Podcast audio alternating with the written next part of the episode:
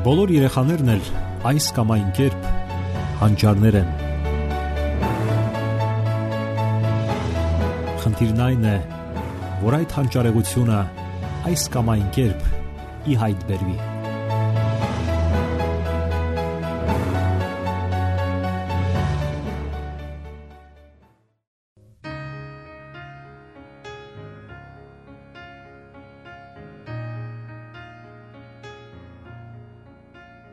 Բարև ձեզ սիրելի ռադիոլսողներ, եթերում դաստիարակություն հաղորդաշարն է։ Նախորդ հաղորդումների ընթացքում մենք արդեն խոսել ենք մանկական վախերի մասին, դրանց պատճառների եւ հաղթահարման ուղիների։ Այս օրինակ հիմնախնդիրների լուծման համար կարևոր է մեծահասակների հանդեպ երեխաների վստահությունը։ Պետք է անել ամեն ինչ, որ երեխաները վստահեն ձեզ։ Եթե ինչ-որ բան եք խոստացել, արեք ամեն բան, որպեսզի կատարեք ձեր խոստումը։ Եթե ասել եք, որ այսինչ ժամին տուն եք վերադառնալու, աշխատեք կատարել ձեր խոստումը։ Եվ դրանից հետո արդեն նրանք կվստահեն ձեզ, ինչպես ազատագրվել վախերից, կարճուն մտքերից եւ անհանգստություններից։ Հոգեբանական հիմնախնդիրների թվին են պատկանում նաև հուզական խաթարումները մանկական հոգեբանության մեջ։ Ծնողներից պահանջվում է ժամանակին նկատել հիմնախնդիրը եւ օգնել երեխային հաղթահարելու բացասական հույզերը, այնպես որpիսի նրա մոտ չառաջանա մեղավորության եւ անլիարժեքության զգացում։ Ծնողները պետք է կարողանան տարբերել նաև լուրջ հիմնախնդիրները եւ հուզական ժամանակավոր դիսկոմֆորտը, որ առաջանում է կոնկրետ իրադրության մեջ խոր երկար ժամանակ տևող հուզական հիմնախնդիրները միշտ հղի են բարդություններով եւ պահանջում են ոչ միայն ծնողական համբերություն եւ առանձնահատուկ ուշադրություն, այլ նաեւ մանկաբույժի կամ մանկական հոգեբանի առանձնահատուկ խորհրդատվություն։ Ծնողները պետք է զգուշություն հանդես բերեն երբ դրսևորվում են հուզական սթրեսի կամ հուզական հիմնախնդիրների նշանները երեխաների մոտ, որովհետև ինչքան վաղ հայտնաբերվեն այդ նշանները երեխաների մոտ, այնքան հեշտ կլինի դրանք հաղթահարելը։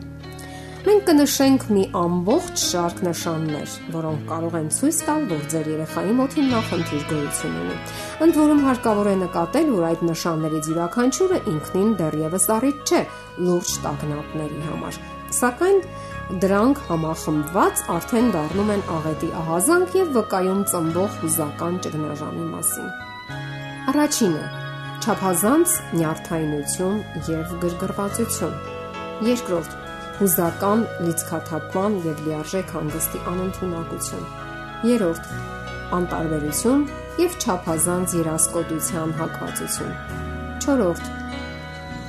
Երեխան անընդունակ է կենտրոնանալու, նրա մոտ կա ցրվածություն։ 5-րդ. Հակված են լացելու առանց ակնառու պատճառի։ 6-րդ. Շրջապատի եւ ուրիշ երեխաների հանդեպ հետաքրքրության բացակայություն կա։ 7-րդ. Չափազանց ամաչկոտ եւ աննկատ մնալու ցանկություն։ 8-րդ. Նրանք հակված չեն ճպտալու, վհատ են։ 9-րդ չափազանց հուզվում են իրենց կատարողականության առիթով եւ արարքների ճշտությամբ կամ անթերիությամբ։ 10-րդ. Արկա է թաքնվելու կամ փախչելու մշտական ձգտումը։ 11. Ագրեսիվության կրկնվող դրսևորումներ, ինչպես խոսքերով, այնպես էլ գործողություններով։ Այն է հարվածելու, կծելու ձգտում։ 12. Կործանարար գործողություններ։ 13 գրգռվածության եւ բարկության հաճախակի դրսևորումներ 14 հաճախակի գանգատներ առողջական վիճակից գլխացավ ցավեր կամ հիմնախնդիրներ կապված ստամոքսի հետ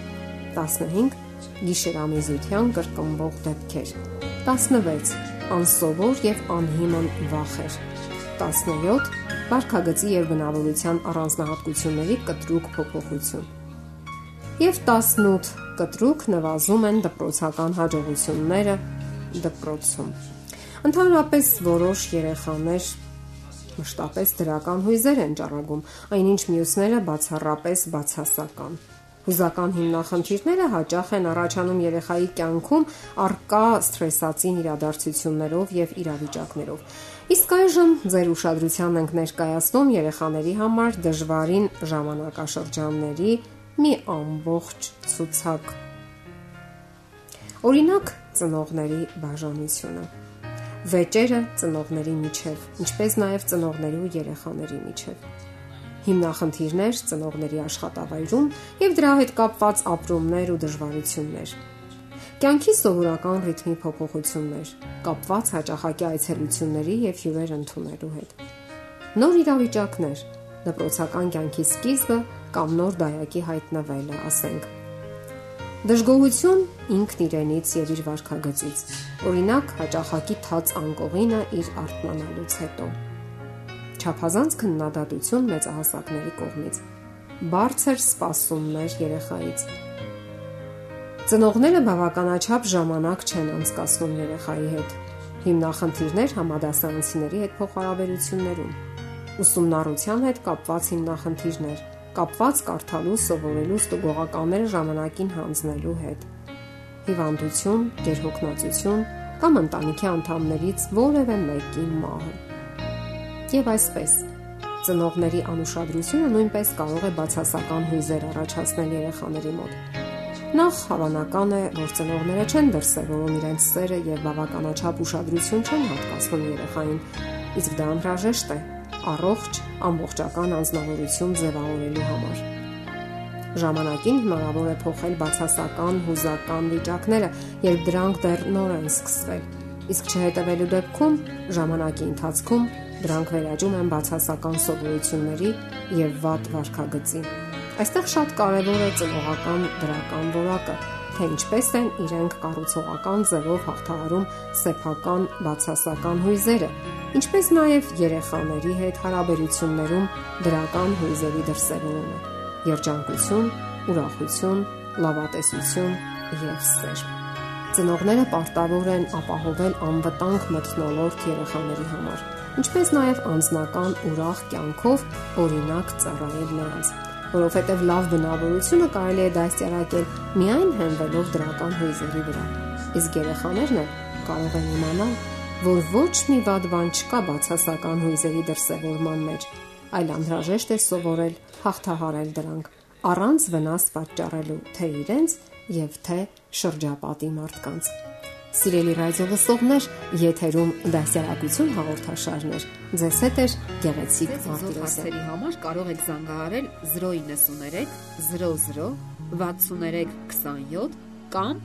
094 93 55 77 հեռախոսամարներով։